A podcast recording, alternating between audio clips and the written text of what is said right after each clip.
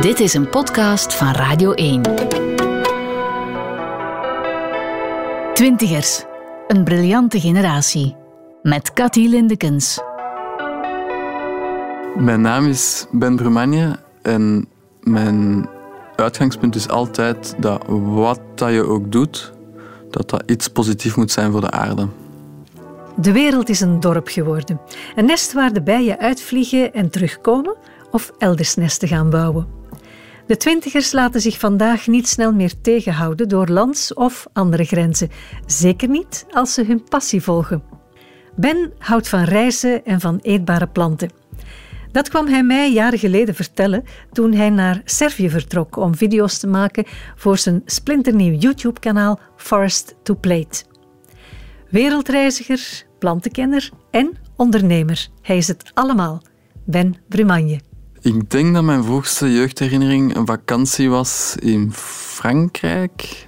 En uh, ik zat in de auto met mijn familie. En ik mocht op de schoot zitten van mijn vader en rijden met de auto. En diezelfde dag was mijn broer gestoken door een, een bij of zo. Of een wesp. En dan heb ik die een frutella gegeven. Ben, jij bent herborist of herbalist? Hoe moet ik het noemen? Um, ik ben eigenlijk eerder een wildplukker. Maar dat is één van de dingen die ik doe. Maar ik ben gespecialiseerd in wilde eetbare planten. Meer dan geneeskrachtige planten, wat dat eerder de omschrijving is van een herborist. Van waar die passie? Het kantelmoment is denk ik gekomen met de film Into the Wild. Uh, die ik um, samen met Victor Lauwers op zijn zolder heb gezien um, toen dat wij 16 jaar oud waren. En na die film hebben wij beslist dat wij samen alleen wilden gaan reizen en wilden gaan trekken in de natuur. Dan zijn we naar Spanje getrokken en dan zijn we daar effectief een paar dagen door de natuur gestapt, zonder kaart en zonder niks. Uh, heel spannend. Uh, onze ouders vonden dat iets minder tof. En um, op die reis heb ik ook heel veel mensen leren kennen in hostels en onderweg enzovoort. En we hebben geleefd. En, en toen was ik echt verliefd geworden op het idee reizen. En na mijn humaniora wou ik absoluut dat gaan doen, want dat was eigenlijk het enige dat me echt interesseerde. Um, ik wou terug in de natuur gaan, uh, ik wou de wereld gaan ontdekken. Ik wou vooral niet meer opgesloten zitten in weer vier of vijf jaar uh, klaslokalen en weet ik veel wat. Met de steun van mijn ouders um, ben ik dan uiteindelijk naar Centraal-Amerika gegaan. Amerika en uh, Canada. Um, in totaal dat was een reis van negen maanden en ik heb ook heel veel gereisd in Europa toen. En tijdens al die reizen en al die landen ben ik altijd mensen tegengekomen die bezig waren met biologische landbouw, permacultuur, geneeskrachtige planten. Als ik ziek was en ik ging naar een dokter in Centraal-Amerika, dan was één op twee farmacieën een traditionele farmacie waar enkel kruiden werden gebruikt. En dat was voor mij de eerste keer in mijn leven. Want zelfs toen ik die film Into the Wild heb gezien, had ik dat niet door. Maar dat was voor mij de eerste keer in mijn leven dat ik zoiets had van... Ah ja, dat bestaat.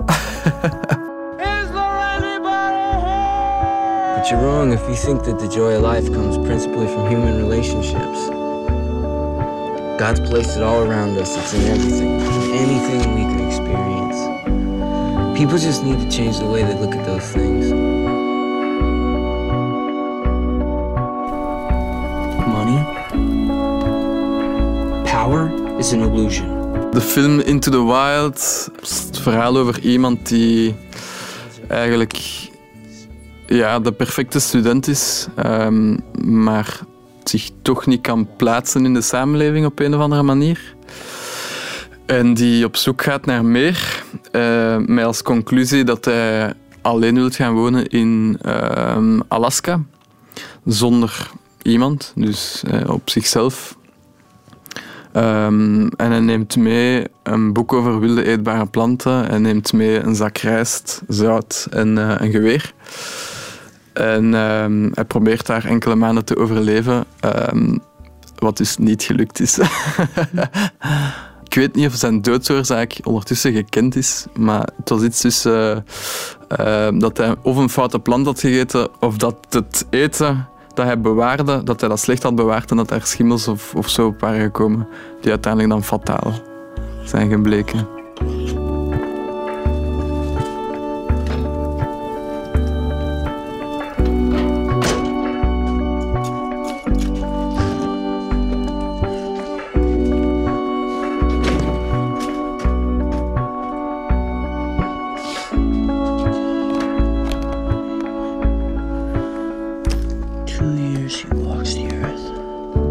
Ja, dat, allee, dat is zeker een, een, belangrijk moment geweest in mijn leven. En um, die planten, dat was dan na, mijn, al, na al die reizen, was dat het enige dat ik wou gaan studeren of leren. Maar ik wist niet wat dat kon uh, in België. Mm, geen enkele bachelor of master of niks wijst op wilde eetbare planten of geneeskrachtige planten. Dus dan ben ik een opleiding herborist gaan volgen mm -hmm. aan Sintra. opleidingscentrum.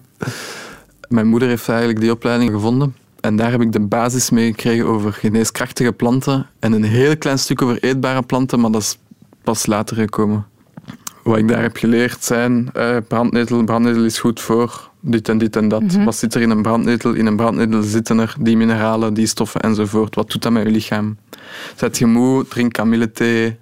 Um, deze planten dienen om je darmen te stimuleren, deze om je maag te stimuleren enzovoort. Dat was super interessant om te weten. Maar natuurlijk, na een jaar een niet uh, hogeschool of universitaire opleiding te volgen, kun je natuurlijk niet opeens mensen gaan zeggen wat ze moeten mhm. nemen als ze ziek zijn. Dat kan niet. Um, wij zijn daarin niet geschoold. Um, wij zijn geen dokters of farmaceuten. Of, of de meeste mensen weten hun lever zelfs niet liggen. Dus. en dan uh, ja, was zo'n beetje het dilemma van oei, wat ga ik nu doen? Dat was helemaal niet gemakkelijk, want ik had toch wel een druk, een samenlevingsdruk, die zei van je moet een bachelor doen, want zonder diploma staat je nergens. Mhm. Eh, ik denk dat het voor mijn ouders ook wel heel moeilijk was in het begin. Uh, misschien zelfs nog meer voor mijn vader dan voor mijn moeder. Ehm, omdat ik eigenlijk de eerste ben in heel de familie, na mijn grootvader, die beslist heeft om geen hogeschool of universitaire studies te doen. Maar ik ging dus toch op zoek naar studies en elke keer opnieuw botste ik op chemie, biochemie, wiskunde, fysica, etc. Vakken waar dat ik nooit iets van gesnapt heb. maar ik wou gewoon die planten leren, dat was het enige wat ik wou kennen. Um, dus uiteindelijk ben ik dan een opleiding biologische landbouw gaan volgen bij Landwijzer. En daar ben ik mij gaan specialiseren in het kweken van kruiden en speciale groenten. Um, zo alles wat je in de toprestaurants aan versiering vindt, mhm. die dingen die kweekten wij. En wat we daar ook deden, was wild plukken. Planten gaan plukken die niet gecultiveerd zijn. Het is wel een heel prettige term, hè? Het is een, ja, het is, het is een gemakkelijke term om, om het begrijpbaar te maken. Dat was bij, bij Jode Beulen uh, op Duizendblad, dat is een kwekerij internat. En daar gingen wij dingen als dasleuk gaan plukken en vlierenbloesems enzovoort. En zij heeft mij een heel grote basis gegeven over planten. Mhm. Ik herinner me toen ook dat ik op een bepaald moment een lijst heb gemaakt met alle onkruiden die er te vinden waren op het veld. Dat frustreerde mij enorm, want twee keer per week moesten wij het onkruid uitdoen. Als stage, onbetaald. um, dus ik wou weten, wat zijn dat, die onkruiden? En ik had een lijst gemaakt van, ik weet, een lijst tussen 50 en 100 planten. Uh, wat bleek is dat 90, 95 procent van die planten eigenlijk allemaal eetbaar waren. Nadat ik die lijst heb gemaakt, dan is pas mijn besef gekomen van wait a minute. en dan ben ik eh, heel veel boeken beginnen kopen over wilde eetbare planten en zo. Veel opleidingen of workshops waren er toen nog niet. En al heel snel zat ik aan, aan 300, 400 planten waarvan ik wist, die kan ik opeten. Dus ik mhm. liep het bos in, of dan nu winter, uh, lente, zomer of herfst was. En ik wist altijd wat ik kon eten. En dus ik had die kennis opgebouwd in de laatste, in die twee jaar dat ik die, die biologische landbouwopleiding deed. ehm, heb ik ook een heel lang eindwerk geschreven over van alles en nog wat. ook over planten. Wilde eetbare planten. En ik wou alle wat ik kende delen met de mensen. Maar dat was toen zeker helemaal niet gemakkelijk. Ik werd bekeken als een hippie. Over welk jaar spreken we? Dat is nog niet zo lang geleden, dat is, dat is eh, 2014 denk ik. Hm. En ik wist op een of andere manier, als ik het wil laten zien aan de mensen, dan moet ik het doen op een manier dat ze naar mij gaan luisteren. Dus toen dacht ik, wat als we nu naar Indië fietsen, op zoek naar wilde eetbare planten, dat klinkt al tof. En wat als we doorheen heel die weg overal mensen gaan contacteren die bezig zijn met, met, met het thema en daarover schrijven, zodanig dat de mensen tijdens mijn reis mij kunnen volgen en ook de verhalen van de mensen kunnen volgen. En dat heb ik dus gedaan gedurende zes maanden en eh, 8000 kilometer lang. Heb ik in, in 15 of 16 landen mensen geïnterviewd of ben ik bij mensen blijven slapen of ben ik via via bij mensen terechtgekomen die mij hun kennis over planten hebben laten zien. Mhm. En jij vertelde daarover als blogger. Ik vertelde dat ik had een, een Facebookpagina die heet eh, Biking to India in Search for Edible Plants. Beetje lang. Dat is een hele mond vol.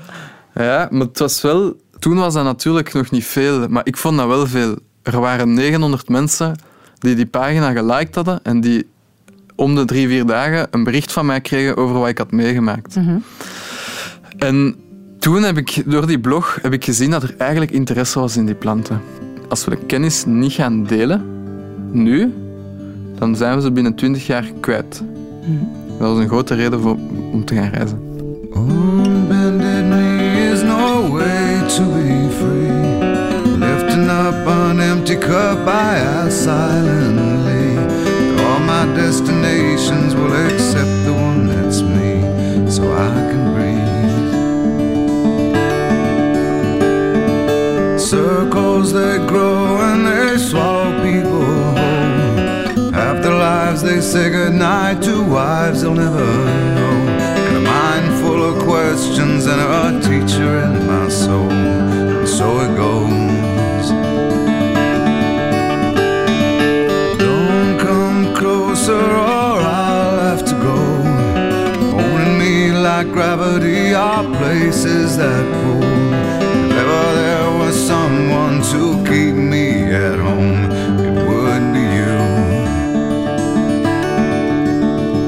Dacht ik ook van, hoe kan ik meer mensen gaan bereiken? Dan ben je video's beginnen maken. Dan ben ik video's beginnen maken. Bij mij is dat vaak, als ik een idee in mijn hoofd heb en als ik me daar sterk op focus, op een of andere manier komen alle mensen en alles wat ik nodig heb, komt dichter bij mij te staan. Dat is, dat is, heel, dat is heel handig. dat spaart heel veel werk uit. Maar dus op mijn reis ben ik een, eh, ja, zo'n self-made eh, American entrepreneur tegengekomen. Die, eh, waar ik mijn idee aan heb voorgeschoteld. Dat is dus een Amerikaan die ik ben tegengekomen in Nepal. ehm, in 2014, als ik me niet vergis. En in het voorjaar 2015 ben ik met hem naar Servië getrokken. Samen met iemand van Israël en nog iemand van Servië. En dan zijn we in Servië eh, vijf afleveringen gaan maken over vijf karakters die allemaal iets te vertellen hadden over wilde eetbare planten. En dat was super interessant. Niet alleen die filmpjes waren interessant, maar ook heel die reis. Omdat je altijd op plaatsen komt waar je nooit zou komen. Ik heb super veel geleerd in Servië. Een heel mooi land. Veel alcohol. I'm Ben and I'm a wild plant specialist. In studying plants, I was amazed to find how much food is available within the wild. I want to show you how the plants around us can be used in everyday meals as well as how to easily identify them within nature. Right now, I'm in Serbia. Join me as I explore the traditional cuisine and culture of this amazing country. Om die filmpjes te financieren ben ik diners beginnen organiseren om geld in te zamelen. En dat was in Brussel altijd 25 man aan een tafel, buffet, vier gangen. En dan ging ik zelf met mijn vader meestal gaan plukken in het bos. En eh, het was voornamelijk mijn vader die dan kookte op de diners. Ik kon, kon zelf wel koken, maar niet op, op hoog niveau. En het was toen aan tafel dat de mensen ook begonnen vragen: kunnen wij dat ook eens meemaken zo in de natuur? En dan na die, die filmpjes is alles ontploft. Najaar van 2015, in september, is er zoiets gebeurd in heel Vlaanderen. eh, dat opeens vegetarianisme, bio en wildplukken en nog wat thema's en yoga en weet ik veel wat. Opeens werd dat super toegankelijk. En daar werd niet meer over gelachen. In de meeste cirkels. Waar dat daarvoor, als je zei dat je vegetariër waart, dan, allee, dan werd je schuldig. maar toen is er iets gebeurd, en dat is niet alleen bij mij gebeurd. Ik weet dat dat zeker bij Lieve Gallen ook is gebeurd. Dat is een, een wildplukster in, in regio Gent. Maar die geeft lessen over heel Vlaanderen. Opeens zat alles vol. Ik had vier driedaagse georganiseerd in de Ardennen. Die waren allemaal volboekt. Ik had elke week een diner. Die waren altijd volboekt. En dan is eigenlijk alles beginnen... En waar ligt dat aan, denk je? Ik denk dat het grootste besef komt van het feit dat een heel groot deel van onze populatie ziek aan het worden is, of is geweest, of is, op verschillende manieren. Aan de hand van burn-out, aan de hand van weet ik veel wat.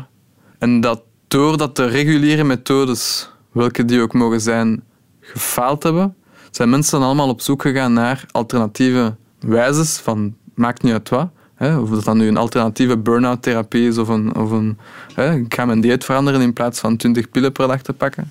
Ik denk dat dat een heel grote reden is van de hele switch, omdat op, op heel korte tijd heel veel mensen dat gedaan hebben. Stress, oké, ik ga yoga doen.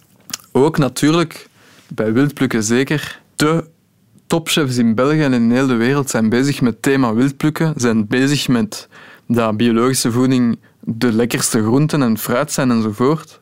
Eh, en die hebben echt die trend gezet van het is oké om wilde eetbare planten te gaan plukken en het is ook oké om lokaal je groenten te gaan kweken en het is ook oké om bio te eten. Ik herinner me als kind dat ik bramen ging plukken in het bos. Eén voor één leerde ik de geschiedenis van deze planten, hun oude gebruiken en de oneindige culinaire mogelijkheden. Verbazingwekkend. Samen met Pieter Jan Lind, een van de beste plantaardige chefs van het land, trok ik het bos in op zoek naar nieuwe ideeën. Lokale wilde planten geven extra smaak, kleur en textuur aan de gerechten. Ze brengen ons een stukje dichter bij de oorsprong van onze voeding. Afhankelijk van het seizoen gaan we op zoek naar oeroude eetbare zaden, vruchten, bloemen of graven wilde wortels op, zoals pastinaken. Twintigers. Een briljante generatie. Je hebt het al even over je vader en over je moeder gehad. Ja. Zullen we eens helemaal naar het begin gaan? Uit welk nest kom jij? Mijn ouders zijn alle twee carrièremensen eh of carrièremensen geweest. Mijn vader die was heel snel directeur van een of andere bank. Mijn moeder die had een eigen advocatenbureau samen met eh, twee andere mensen. Toen dat ze de leeftijd had van 4, 25. En die hebben eigenlijk ja, vanaf heel jongs af aan keihard gewerkt. Ik herinner me wel stukken waar, waar wij vaak werden opgehaald door, hè, door de grootmoeder of dat wij langer in de opvang moesten blijven. Heel veel naschoolse activiteiten. Ik heb jaren getennist en ballet gedaan en dwarsluit en noodleer en al die dingen gecombineerd. Ehm, dus dat was bijna elke week reed mijn moeder, of mijn, ja, meestal mijn moeder, die reed ons rond van hier naar daar, of mijn grootmoeder. Ik heb nog twee broers en ik ben de middelste. En we hebben zo wel een beetje het virus doorgekregen van onze ouders op de manier dat we altijd gaan staan achter ons idee en dat we daar ook voor gaan. Ehm, Perfectionistisch? nee, totaal niet. Gewoon doen. Ik ben helemaal niet perfectionistisch. Ehm, als ik een idee heb, morgen ben ik dat aan het doen, bij wijze van spreken. Perfectionist heeft een idee en die is dat volgend jaar aan het doen. Omdat eerst alles perfect moest zijn. Ja, mijn ouders hebben toch een heel grote invloed gehad op mijn leven en op alle beslissingen die ik heb genomen. En tot op de dag van vandaag blijven die een heel belangrijke rol spelen eh, in heel veel beslissingen die ik maak. Eh, als zelfstandige vergader ik vaak alleen en is mijn moeder eh, mijn, mijn, of mijn vader is hè, mijn aftastpunt. Klankbord. Ja, mijn klankbord om te weten is dat een slim of dom idee of, of hoe, hoe, hoe kan ik dat financieel doen of, of ja, die helpen mij bij alles. Als er een probleem is, dan staan ze er altijd. Dus jullie hadden een heel goede band als kind ook al. Goh. Tussen mijn 12 en mijn 17 is mijn vader in Amsterdam gaan wonen, omdat hij daar moest gaan werken. En toen heb ik mijn vader eigenlijk vijf jaar bijna niet gezien. In de periode dat je het misschien het meest nodig hebt. Goh, misschien wel. Ja. Elk weekend als hij dan thuis kwam, dan gingen wij weg. We waren jong, we zaten op middelbaar. Het weekend gingen wij uit of, of gingen wij bij vrienden slapen. Dus dat, was wel, dat waren wel moeilijke jaren, ook voor papa, denk ik. Ehm, maar daar is de band met de moeder veel sterker geworden. Tot op de dag van vandaag is de eerste reflex om, om iemand te bellen thuis is de mama. Alhoewel dat dat bij mij nu meer aan het veranderen is, omdat ik heel veel met mijn vader doe. Maar toch heb ik altijd, nog altijd die reflex na zoveel jaren om mama te bellen. Omdat ik ook weet dat zij het praktisch beter aanpakt waarschijnlijk. Maar Wat voor een kind was jij? Ik denk dat er veel kinderen zijn geweest in mijn leven. Ik kon op mijn negen maanden al lopen, wat dat blijkbaar vrij vroeg is. Ik was altijd vrij snel met de dingen. Ik klom altijd in de bomen, super actief. Ik was echt een mega ambetant kind eigenlijk. ik hoor heel veel verhalen van de vrienden van mijn ouders, die mij ondersteboven eh in, het zwembad, in zwembad duwden, zodanig dat ik stopte met weet ik veel wat te doen. Ik pestte mijn broer ook altijd. Ik haalde blijkbaar zeer veel bloed onder zijn nagels. Ik ben heel veel naar de directeur gestuurd geweest, omdat ik mijn mond nooit kon houden in de klas, omdat ik altijd hyperactief was. Ik merk dat nu nog altijd. Enerzijds heb ik echt zo'n kind in mij. En anderzijds ben ik heel streng voor mezelf, is moeilijk om te zeggen, maar ik heb, maar ik heb toch wel een serieuze kant. Bijvoorbeeld, de eerste vier maanden van een schooljaar was ik de meest verschrikkelijke mens op aarde. en dan wist ik van, oei, nu ga ik me moeten herpakken, want anders... en dan de komende zes maanden was ik heel serieus en dan werkte ik. En, eh, Er was een patroon in te trekken. ja, er was een patroon. Was je ook een goede leerling? Nee, totaal niet. Ik was echt een heel slechte leerling. Eh, Veel verhalen van in humaniora. Maar eh, ik denk dat mijn gemiddelde op alles wat ik gedaan heb 50% was. Ik ben vijf keer gedelibereerd geweest. Ik was echt geen goede leerling. Maar dat interesseerde mij ook niet. Er was geen enkel vak dat mij boeide. Dat is echt erg om te zeggen. Bij geschiedenis waren de thema's die behandeld werden bij geschiedenis super saai. Bij aardrijkskunde waren de landen die besproken werden landen die ik niet wou bespreken. Bij enzovoort. Wiskunde, dat boeide mij niet. Talen, ik zag het theoretisch gedeelte daar toen niet van in. Ehm, dus er was heel veel chemie, daar snapte ik niks van. Ik moest iets anders doen. ik heb eerst Latijn gedaan in het middelbaar, een jaar. Nee, twee jaar. En dan in het derde ben ik economie gaan doen. Dat is eigenlijk wel iets dat me heel sterk boeide. Ehm, maar ik was dan zo beu om altijd in die lokalen te zitten, dat ik uiteindelijk in het vierde middelbaar naar Sint-Lucas ben gegaan, waar ik eh, echt eindelijk wat vrijheid kreeg. Eh, daar ben ik film en, en fotografie gaan doen. Dus dan mochten we effectief acht uur per week bezig zijn met onze eigen creaties. Eh, in plaats van altijd te volgen eh, wat dat we moesten doen, mochten we zelf nadenken van en nu is dat nu. Dat was echt een heel tof gevoel. En dan was dat nog altijd te zwaar voor mij op een of andere manier, want er was nog altijd vier, vijf uur wiskunde bij en chemie en fysica en zo. En dan ben ik eh, grafische vormgeving gaan doen. En dat was echt met zeefdrukken en lino's. En dan hadden wij opeens eh, vier uur filosofie per week. En, en dan heb ik een, een jaar en een half, denk ik, zo goed als heel de tijd eh, in de piep gezeten en dingen opgezocht. En, en ik was de hele tijd aan het schilderen en dingen aan het maken en op Photoshop bezig. En ja, dat was echt tof. En daar heb ik ook leren nadenken. Op een of andere manier is dat een heel toffe aanpak. Dat werkt niet voor iedereen. Maar in het begin van het jaar geven ze je een thema. Weg bijvoorbeeld. En dan mocht je dat interpreteren in elke zin van het woord. En dan, dat is het. Dat is uw, uw opdracht voor het jaar. En dan mocht je daar 16 uur per week aan bezig zijn. Dus dat is heel vrij. Als je daarmee om kunt, is dat heel goed. Waren er in die periode mensen naar wie je opkeek? Goh, dat is een hele goede vraag eigenlijk. Waren er mensen naar wie ik opkeek in die periode? Niet dat ik me zo kan herinneren. Ik had zo niet echt een, een idool of een, een ideaalbeeld, buiten misschien die van Into the Wild. Nee, ik was echt wel op zoek. Zoals veel mensen... Naar jezelf. Naar mezelf en ook ja, naar mezelf. Je hebt die film gezien, hè? dat was een keerpunt in je Ja. leven, Into the Wild. Ik heb er veel gehad. Veel keerpunten, Ja, toch wel. vertel eens. De, de persoon die dat het best verwoordt, Victor Lauwers, is ehm, Theatermaker. theatermaker. Vroeger zag ik die elke dag. Ondertussen is dat een beetje verwaterd. Eh, maar die, die ziet mij twee keer per jaar. En eh, elke keer als hij mij ziet, dan, dan zegt hij tegen mij: hoe, hoe is dat nu mogelijk?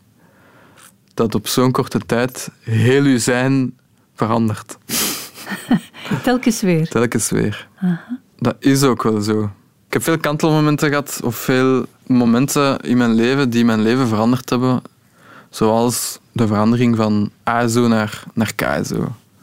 Ehm, mijn reis, mijn eerste reis die ik gemaakt heb na mijn humaniora. Die herboristenleiding, dat was een heel belangrijk moment. Die biolandbouwopleiding was een heel belangrijk. Dat zijn allemaal dingen die de piramide vervolledigen. Die Is het zo dat je, belangrijk. dat je telkens weer een stukje van jezelf ontdekte dat je nog niet kende? Ja, zeker, zeker. Op die fietsreis, hè. op die fietsreis, als je zo een paar maanden alleen op een fiets zit, hè, dan zijn er bepaalde dingen die je beseft. Een van de dingen die, die ik toen dacht was van, alles is mogelijk. Na dit is alles mogelijk. Maar dat is heel belangrijk, want dat is een besef dat pas komt nadat er een bepaalde drempel is overschreden. En dus vanaf dat moment zei ik van, ik ga dat doen en, en voilà, ik doe dat gewoon. En elke keer lukt dat, of toch vaak. Dat is een heel belangrijk moment. Tijdens mijn biologische landbouwopleiding, dat is biologische en biodynamische landbouw. En biodynamisch, dat komt uit van, van Rudolf Steiner, zijn, eh, zijn theorieën. En om het kwartaal hadden wij een, een, een, een bespreking rond bepaalde personen in onze opleiding. En ehm, elk kwartaal kwam er iemand anders aan bod. En dan moesten we zo een hele tekening maken met wat dat we dachten dat onze eigenschappen waren enzovoort.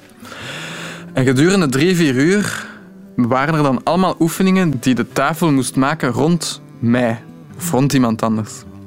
En dat was zeer confronterend. Op een bepaald moment moest iedereen tekenen. Ze moesten eh, 30 seconden nu, of een minuut je ogen toedoen. En dan moest je het eerste tekenen wat dat in je opkwam. En die tekeningen die daaruit voortkwamen, die zijn eh, nog altijd heel eh, belangrijk voor mij. Eentje daarvan was bijvoorbeeld... Iemand had jij mij getekend als worm. Dus iets heel aards en natuurlijks, maar met een zonnebril op. En een andere persoon had mij getekend, eh, al wandelend over zo- zo'n touw. Slackline. En dan was ik met een paal in mijn handen aan het wandelen en ik ging van links naar rechts, alsof dat ik de hele tijd mijn balans aan het zoeken was. Ja. En ik bleef wel wandelen, maar ik, ik zoek de hele tijd mijn balans. De andere tekening was dat ik op de berg aan het mediteren was en dat er heel veel mensen rondom mij aan het luisteren waren of, of aan het praten was en dat veel mensen aan het luisteren waren rondom mij. En dat zijn allemaal dingen die ik heel sterk in mezelf herken. En had ik dat niet gehad, had ik dat misschien ook nooit zo kunnen plaatsen. Want ik zit heel graag in de bossen, maar ik heb ook graag bepaalde luxe. En ik moet de hele tijd waken over de balans tussen, bij wijze van spreken, het economische en het spirituele, of het maatschappelijke en het spirituele. Whatever het spirituele mogen zijn.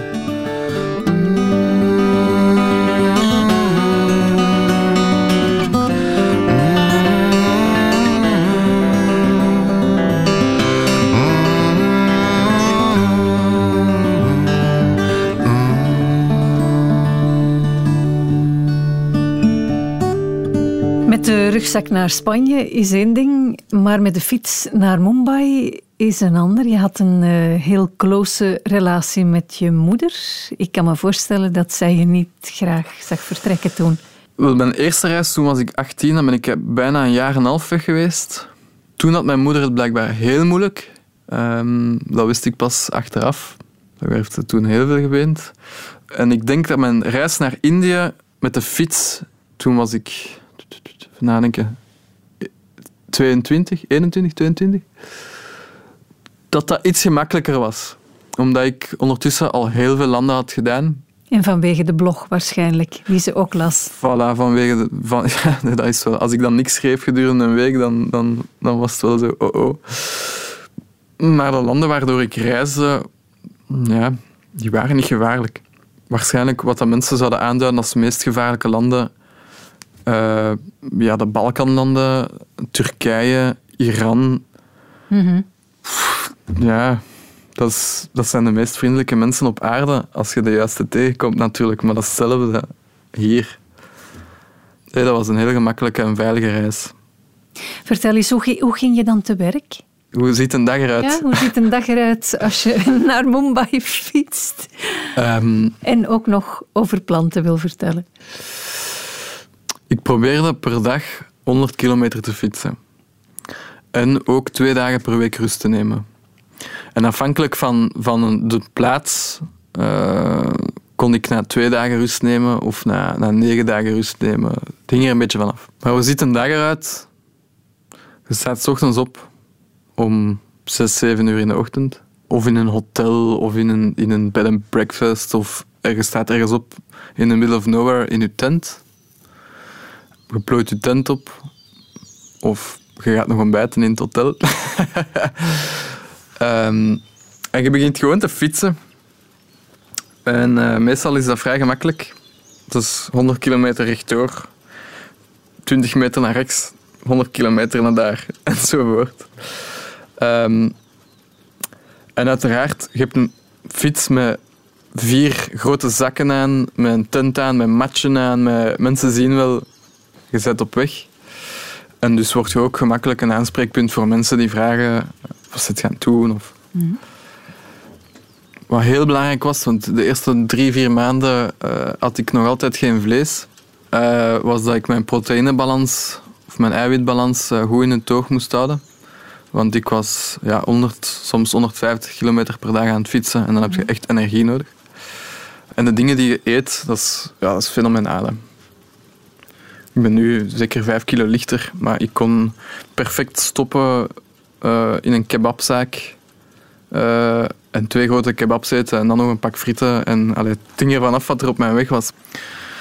En sommige eh, routes waren leuker dan andere en sommige waren gemakkelijker dan andere. Ik heb, ik heb veel langs autostrades gefietst, wat dat helemaal niet leuk is. Ik ben veel gestegen van eh 0 tot 2000 en dan gedaald en dan terug omhoog moeten gaan. Dat is vermoeiend. In Indië fietsen was ook de hel. Eh, omdat al het ander transport ook fietsers en, en, en motors zijn. En die zien dat je van het buitenland bent, dus die komen allemaal rond je hangen. Dat was heel onaangenaam. En waar kwam je de planten dan tegen? En de planten, bijvoorbeeld, als ik aan het fietsen was, kwam ik iemand tegen op mijn pad die letterlijk planten aan het plukken was. En dan vroeg ik, was het gaan plukken? En dan zag ik, "Mo, dat is een plant die ook bij ons groeit, dus ik weet wat hij aan het plukken is. En ehm, als de conversatie op iets draait, dan werd ik vaak uitgenodigd. En dan mocht ik blijven slapen. En dan eens daar toegekomen, hè, dan doen ze hun kast open met al hun gedroogde kruiden die ze zijn gaan plukken door een seizoen. En dan vertellen ze waarvoor dat ze het allemaal gebruiken. En in Servië heb ik ongelooflijk veel geleerd. Vooral omdat ik altijd aangaf dat ik ook kennis had over, over planten. En vanaf dat ik een plant liet zien, dan lieten de andere mensen mij ook planten zien. Dus dat was wel gemakkelijk. Niet dat we elkaar verstonden. Dat was verschrikkelijk. Ehm, ik herinner mij dat ik om vijf uur s ochtends mijn zo'n Servische ranger ben gaan stappen in de bergen. Ik kon geen woord Engels. Eh, we gingen mij de planten laten zien. Om zes uur begonnen we rakja te drinken. en dan zat door de bossen zat hij mij alle planten aan te duiden. Dat was wel grappig. Twintigers. I'm currently in central Serbia, and I'm staying with a family who invited me to explore the countryside by horse. I'm eager to learn how a young family incorporates wild plants into their daily life. My name is Igor Schönenberger Gajic. I live here on this farm with my wife Nana and three kids, Matej, Maria, and Konstantin. We live uh, in central Serbia, in uh, Šumadija. It's uh, woodland. We have a farm with the horses, so we have uh, 10 horses now and uh, ponies. Here in Serbia, nature is untouched, so it's very beautiful and pretty wild. Op mijn reis heb ik zelf minder gekookt. Ik heb wel gezien hoe dat mensen gekookt hebben met planten. Want de meeste uh, culturen die aanvaarden niet dat jij als gast kookt. Mm. Dat is niet zoals bij ons van mag ik meehelpen? Nee, dat, dat wordt gewoon niet gedaan. Niet in de Balkan, niet in Turkije, niet in Iran, zeker niet in Iran. Maar je was toch af en toe op jezelf met je tentje? Ja, toen wel. Um, en dan hing het ervan af of, of er gekookt werd of niet. Um, ik heb op veel plekken gezeten waar ik me niet veilig voelde per se. Um, en waar ik ook de aandacht niet wou trekken van dieren of van mensen. Dus waar ik ook niet gekookt heb. Je moet altijd en de planten vinden en gaan kamperen. Mm. Of, of een plaats vinden om te koken. En je moet vuur kunnen maken. Dat was, dat was moeilijk.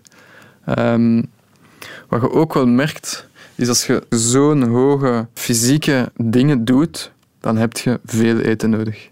Echt veel eten. Twintigers. Een briljante generatie. Met Cathy Lindekens.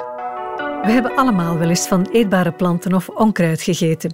Ik kook zelf bijvoorbeeld graag met de bloemen en blaadjes in mijn tuin. Maar zomaar in het bos gaan plukken, dat durf ik niet.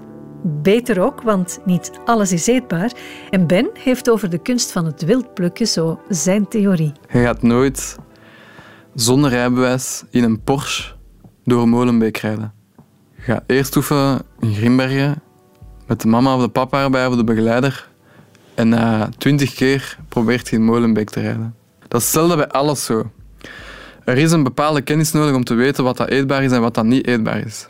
Dus dat moet je gewoon gaan leren. Mm Dan, alles hangt af van de dosis. Paracelsus, ja, die eigenlijk aan de grondslag ligt van, van de homeopathie, die zei, ik heb het boek in het Engels gelezen, In all things there is a poison, and there is nothing without a poison. It only depends upon the dose whether a poison is a poison or not. Mm Als je 20 liter water drinkt, zijn het dood. Als je een kilo zout eet, zijn het dood. Dat is hetzelfde zo met planten. Heel veel giftige planten worden gebruikt in homeopathie. In lage dosissen kun je veel giftige planten wel opeten.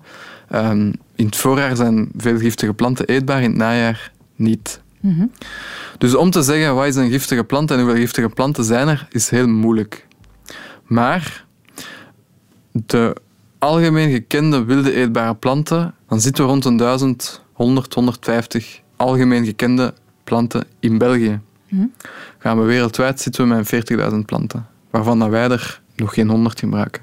En gebruik je vaak de planten, het kruid, het onkruid, dat wij ook kennen van in de tuin? Zeker als je bij mij een workshop komt volgen. De meeste dingen die ik u ga proberen aanleren, zijn dingen die je kent.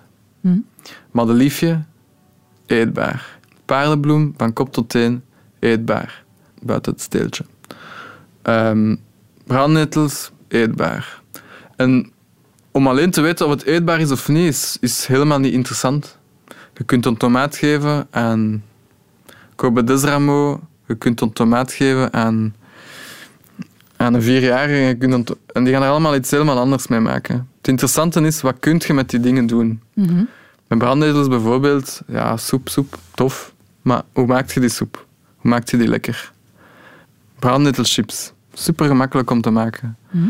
En dat zijn met vijf tot tien planten verandert je iemand zijn leven voor altijd. Mhm. Een roos, rozenbloemblaadjes. Ze zijn allemaal eetbaar. Allemaal. Elke roos. Elke rozenbottel is eetbaar. Kamille. Mhm. Dat is ook zo een. We kopen dat in zakjes van Lipton en 2 euro voor een doos waar dat 10 gram in zit.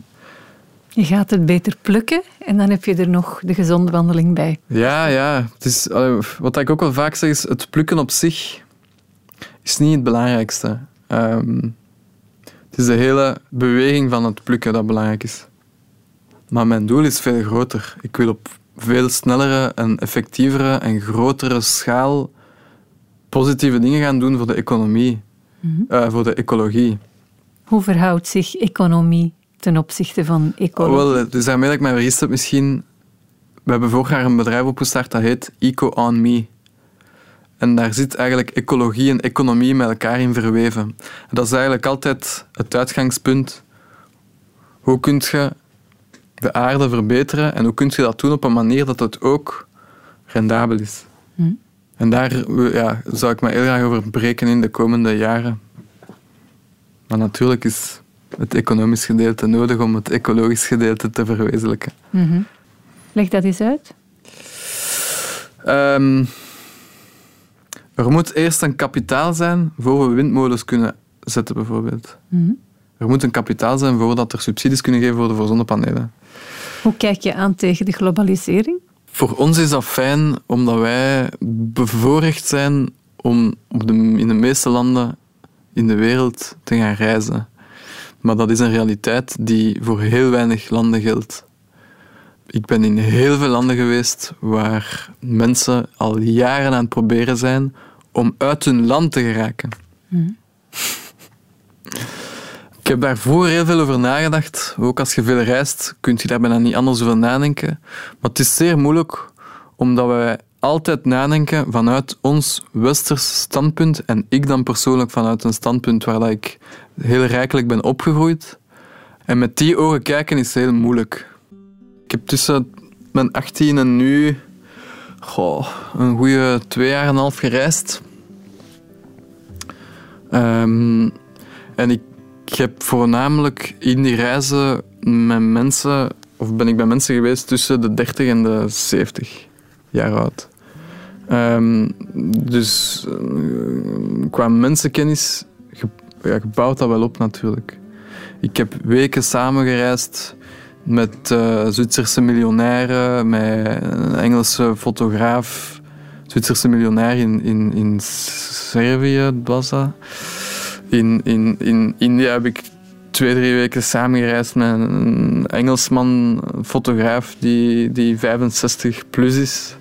Ehm, ik heb maanden met Franse mensen rondgerezen en met ja, je komt overal lokale bevolking tegen en die vertellen allemaal verhalen. En, en ja, dat is, dat is een spoedcursus wereldkennis of zo.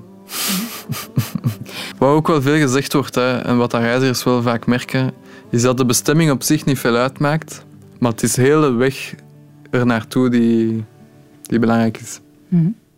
Dat je nu in Rusland bent, of het zijn gewoon bepaalde dingen die je beseft door dingen te doen die belangrijker zijn dan. Oh, ik heb, ik heb het Louvre gezien. Hè? Nobody cares. Ik heb het Louvre gezien. Ah, ik ben geweest naar, ik ben in de WTC-torens geweest. Oké, tof voor u dat je een toffe foto gepakt, maar Wat is de essentie eieren, dan? eieren gaan rapen met een, Serviër op zijn boerderij. Hm. We hebben samen melk uit een koe gehaald in Nepal. Ehm, ik heb met van de rijkste mensen samengezeten in, in Iran. Ik ben, ben bij, bij de zoon van de president van Nicaragua uitgenodigd geweest op zijn verjaardag. Het zijn zo... Is iets anders. Dat is totaal niet... Ik wil daarmee totaal het reizigers... hè, ik wil dat niet afbreken of zo. Maar ik merk wel vaak van mensen gaan twee weken naar weet ik veel waar, naar Amerika of zo, en dan komen ze terug en zeggen ze de Amerikanen zijn zo. Terwijl mensen die maanden gaan reizen in een land, in Nepal bijvoorbeeld, ehm, die zeggen na die paar maanden van ja, ik heb die en die en die en die mensen leren kennen en die ik heb leren kennen, die waren zo. En de rest van de bevolking ben niet tegengekomen. Hoe sta je in het leven, denk ik dan? Een, een filosofische avonturier, mag ik je zo noemen? Goh, momenteel... Een avontuurlijke filosoof. Ik filosofeer eigenlijk bijzonder weinig de laatste tijd. Ehm, eh, met Forest to Plate en dan de productie Eat the Forest. eh, en alle lessen en de driedaagse en de weet ik veel allemaal. De documentaire is er eigenlijk heel weinig tijd om na te denken. Je hebt een B&B in eh, Frankrijk ondertussen ook, hè? Ja, tijdelijk worden er altijd B&B's georganiseerd, maar ook veel weekends over wild plukken en weekends over weet ik veel welke thema's. En ik heb een heel uitgebouwd professioneel leven. En dat haalt eigenlijk alle rest naar beneden. Het is moeilijk om uit te leggen, maar ik heb heel weinig tijd om voor mezelf na te denken of zo.